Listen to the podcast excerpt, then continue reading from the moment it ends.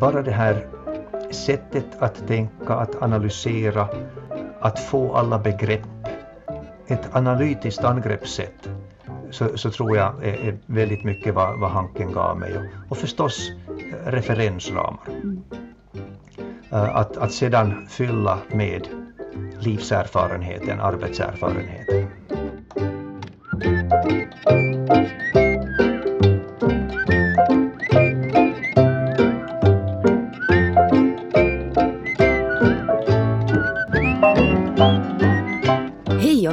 Till podden Gyllene studietider på Hanken. Idag ska vi få höra om hur det var att studera på Hanken i Vasa, då den grundades för 42 år sedan. Mikael Still, du är företagare och styrelseproffs och har grundat Visionworks, Plommonet, Romi Systems, AZ Consulting och Noga. Du började studera 1981 och då hade Hanken i Vasa bara funnits i ett år. Och du utexaminerades från Hanken år 1985 med finansiering och investering som huvudämne.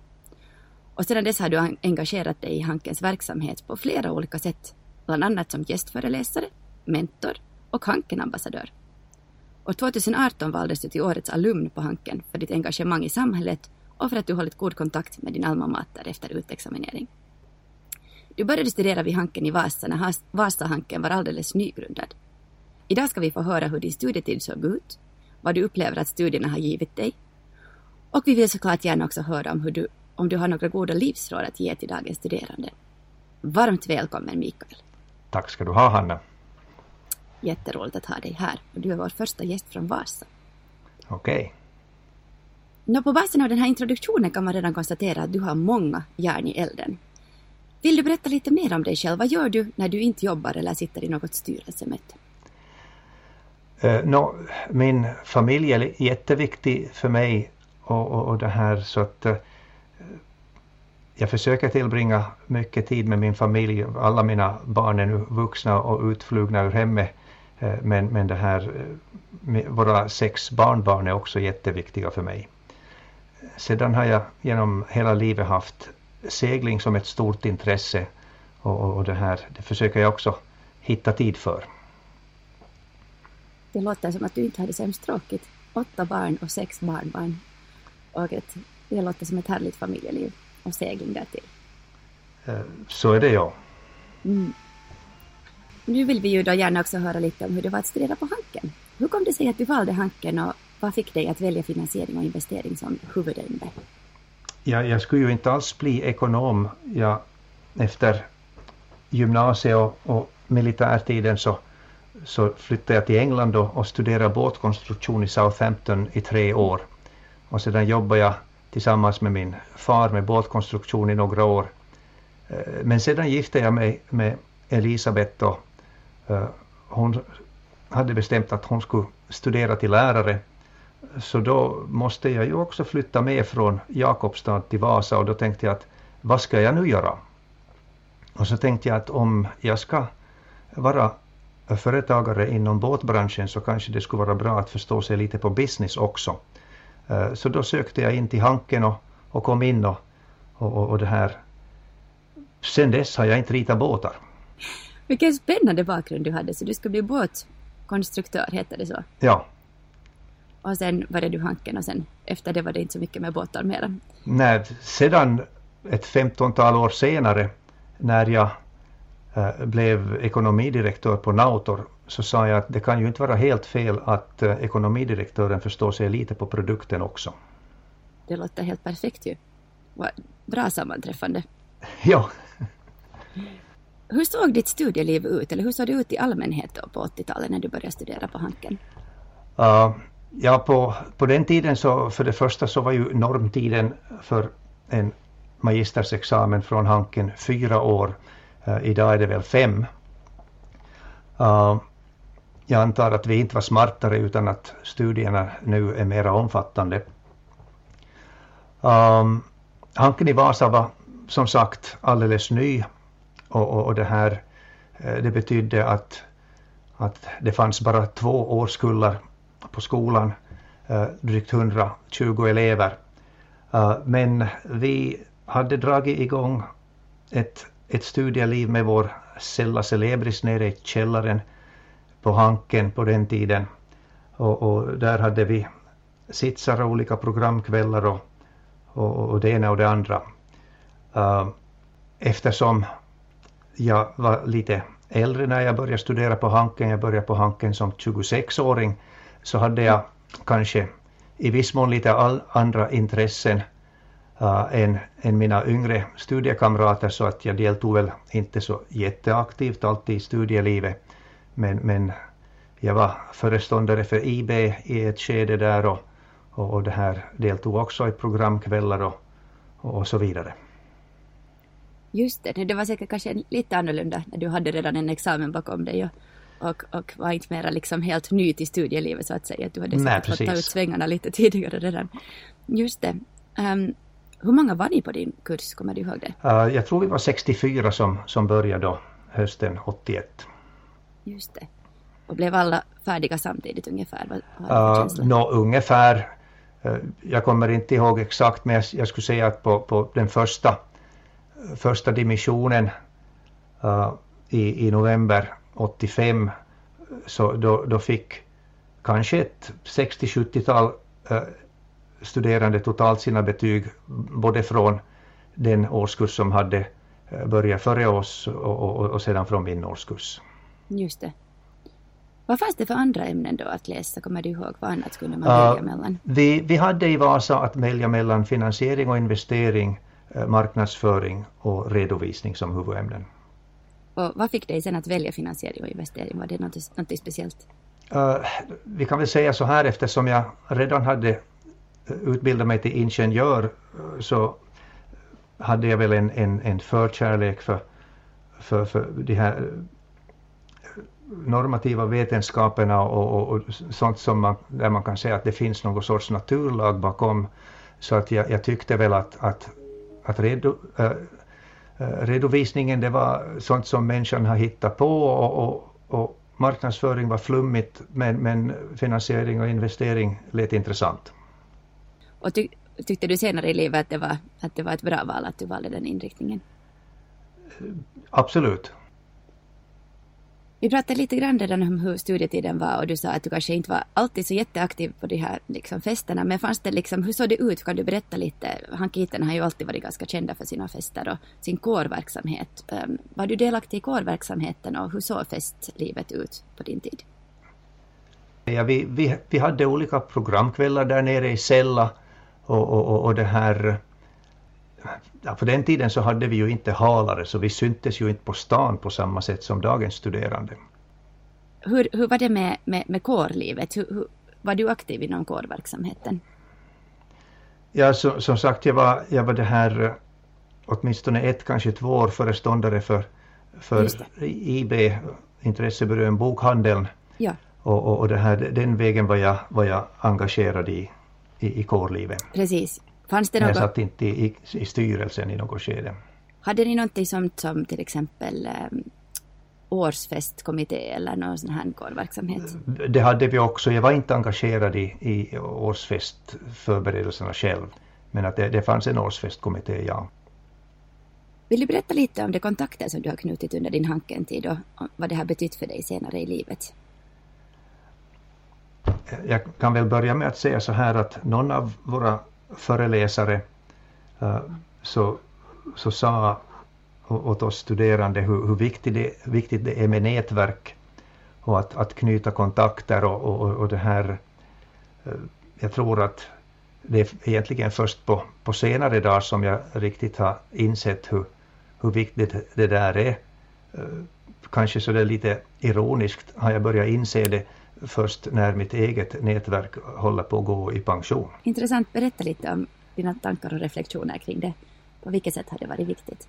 Senast idag så, så satt jag eh, i ett eh, möte med två andra killar och, och, och, vi funderade på eh, att, hur, hur svårt det är att, att engagera eh, företagare i att, att de borde Eh, ha en, eh, en, en mera aktiv styrelse till sitt bolag. Och, och då sa vi också att, att, att de, de, de leads som vi har fått för det här projektet som jag är involverad i så eh, de som har lett någonstans de har kommit ur våra personliga nätverk inte, inte från att vi har försökt samarbeta med någon, någon specifik aktör som, som företagarföreningar eller sådant utan det är först när du tar kontakt och når en person som du är personligt bekant med som, som saker och ting tar fart. Det är sant. Det, det är kanske mycket lättare att ta kontakt med någon som man redan lite känner, speciellt om man har studerat tillsammans med den så kan det kännas enklare att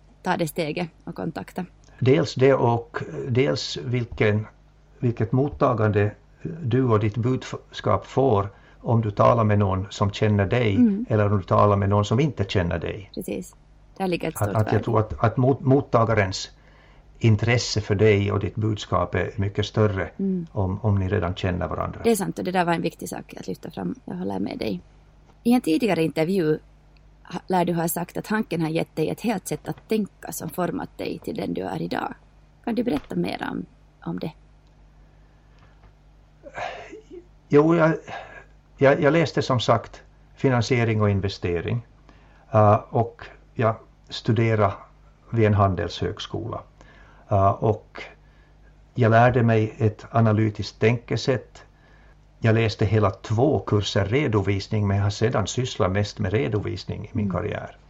Uh, bara det här sättet att tänka, att analysera, att få alla begrepp, ett analytiskt angreppssätt så, så tror jag är, är, väldigt mycket vad, vad Hanken gav mig och, och förstås eh, referensramar. Mm. Uh, att, att sedan fylla med livserfarenheten, arbetserfarenheten. Så förstår jag dig rätt, känner du att Hankenstudierna har gett dig ett bra underlag för, för sen praktiken så att säga som du har byggt där på? Absolut. Uh, allt, allt jag har uh, varit med om efter studierna så har haft en ram att sätta in i. Precis. Eh, som, som jag fick från mina Hanken-studier.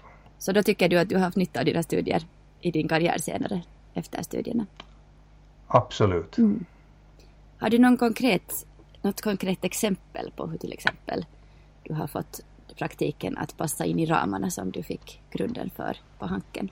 Eh, låt oss säga så här att uh, vi som studerar finansiering och investering, vi, vi lärde ju att oss att diskontera kassaströmmar. Mm. Vi lärde oss att räkna eh, net present value. Eh, men alla sa att ja, no, men det är ju ingenting som man kommer att ha nytta av efter Hanken. Och, och det här, fastän jag inte sedan kom att syssla med, med, med det här finansierings eller investeringsverksamhet som sådan under största delen av min karriär utan jag blev mera engagerad i i, i företags ekonomiförvaltning så, så det här kom jag många gånger uh, att ha nytta av uh, allt det som jag lärde mig inom finansiering och investering och kunna tillämpa det i olika analyser i företaget uh, fastän det inte hade med så att säga börskurser och, och, och, och, och kapitalmarknader att göra. Överhuvudtaget så är jag en sån här parallelltänkare som som tycker om att tillämpa någonting från ett område på ett annat område. Kan du ge något exempel där? No, vi kan till exempel ta någonting så gammalt som min, min, min gradu som jag skrev då 1985. Uh, eh, så, så det här blev jag intresserad av managementlitteraturen även om jag skulle skriva en gradu om om finansiering och investering Eh, och, och, och, läste om eh, ett begrepp eh, som kallas SLAC, underutnyttjade resurser. Och, och, och, det här, så började jag tänka på att ja, men om vi har en, re, en resurs, en maskin eller någonting annat som vi bara utnyttjar till mindre än 100 procent, så då har vi ju uh, kvar möjligheten att utnyttja resten. Uh, och, och det här med, med, med lite parallellt tänkande så fick jag det här att passa ihop med finansiella optioner. Och tänkte att, att om man kan med Black and Scholes optionsprissättningsteori eh, äh, eh, bestämma värdet på en, på en finansiell option äh, så borde man kunna bestämma värdet, nyttan av att ha överloppsresurser. Att, att använda vid behov. Uh, och, och, det här, så, så skrev jag min, min gradu om det här. Och senare har jag förstått att ja, men det, det som jag skrev min gradu om 1985 det har sedermera kommit att kallas för realoptioner. Precis. Du var lite före Bara att jag tid. visste inte om det då. Ja, Exakt. Precis. Wow, imponerande. Berätta gärna lite om din karriär Mikael. Du har gjort så mycket spännande saker.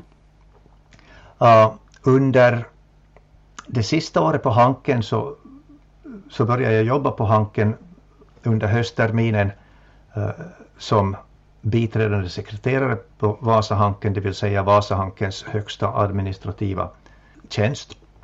Och sedan vårterminen under sista året så blev jag överassistent i finansiering och investering och jag hade egentligen den tjänst som skulle handleda mig att skriva min gradu. Uh, lyckligtvis så, så tog undervisningen slut någon gång där i mitten, slutet på april så jag hann skriva min gradu klar till den 15 maj som var inlämningsdatum.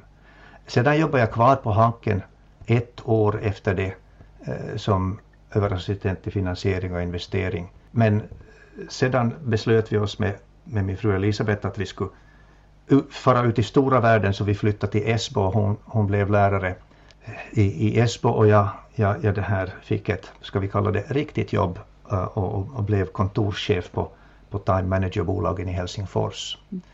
En par år senare så, så, så det här hade jag sökt jobb som kontroller på ett världsliga dotterbolag i, i USA så, så 1988 så, så flyttade vi till USA och, och bodde där i tre år. Kom tillbaks till Finland och, och fortsatte att jobba inom eh, Wärtsilä som då hade bytt namn till Metra och jag jobbade ännu i fem år på Sanitex huvudkontor i Helsingfors, en division inom, inom Metra. Tills jag de facto fick sparken och, och, och det här, det, det, det, fick oss att efter tio års bortavaro flytta tillbaka till Österbotten och till Vasa. Uh, och, och, det här så kom jag att jobba i, i två år på, eh, på, på Wärtsilä Diesel i Vasa. Uh, tills jag sökte jobb, eller egentligen inte sökte jobb utan uh, såg på, på, på, på nätet att, att UPM Kymmene uh, skulle sälja sin båtindustri. Och då tänkte jag, men det där är ju Nauta från min hemstad Jakobstad, att det där måste jag ju kolla upp. Och, och, och så, så, så det här läste jag den där artikeln och där nämnde man uh, en italienare vid namn Leonardo Ferragamo, men man nämnde också uh, att Peter Fatser var, var, var det här med i konsortiet som skulle köpa Nautor. Och då tänkte jag att, eh, men jag känner ju Peter att min, min far har både ritat och byggt eh, båtar åt honom och vi har tävlat mot varandra i olika regattor att nu borde jag ju ringa Peter och fråga om han skulle behöva en duktig båtkonstruktör slash ekonom. Eh, men jag gjorde ingenting. Några dagar senare så ringde telefonen på mitt kontor och jag svarade och rösten i andra änden sa Hej, det här är Peter Fatser. Jag antar att du kan gissa varför jag ringer dig. Och så sa jag Ja, det kan jag för jag har själv haft samma tanke. Och så sa han, då tycker jag att du ska kontakta Leonardo Ferragamo och komma överens om ett eh, sammanträffande. Så kom det sig att jag blev eh, ekonomidirektör på Nautor. Ja, och, och, där jobbade jag i sex och ett halvt år eh, tills jag för andra gången i min karriär fick sparken. Då kom jag att faktiskt komma in på någonting som låg närmare eh, mina studier för då, då det här började jag jobba på kapitalplaceringsbolaget VDK i Vasa. Eh, tills jag igen eh, åkte ut och, och, det här, och blev konsult på KPMG. Där hölls jag i bara ett år och tre månader tills en av mina kunder sa Mikael du, du jobbar så mycket här hos oss så att du kunde ju lika bli, väl vara anställd här. Och så kom det sig att jag blev ekonomidirektör på Ahola, Ahola Transport i Karleby. Där hölls jag i fyra år tills jag satt mig ner och hade en diskussion med mig själv att Mikael, vad är du bra på? Uh, och, och, jag sa, du är, jag är ganska bra på att lyssna och dra slutsatser och sammanfatta. Och vad är du dålig på? Ja, jag har inte riktigt tålamod alla gånger att, att, att jobba med rutinarbete. Nå, vad, vad gillar du då? Nå, jag tycker om helt enkelt att, att hjälpa andra människor. Så då sa jag till mig själv, det låter som en konsult. Och då, då startade jag Visionworks och, och sa upp mig.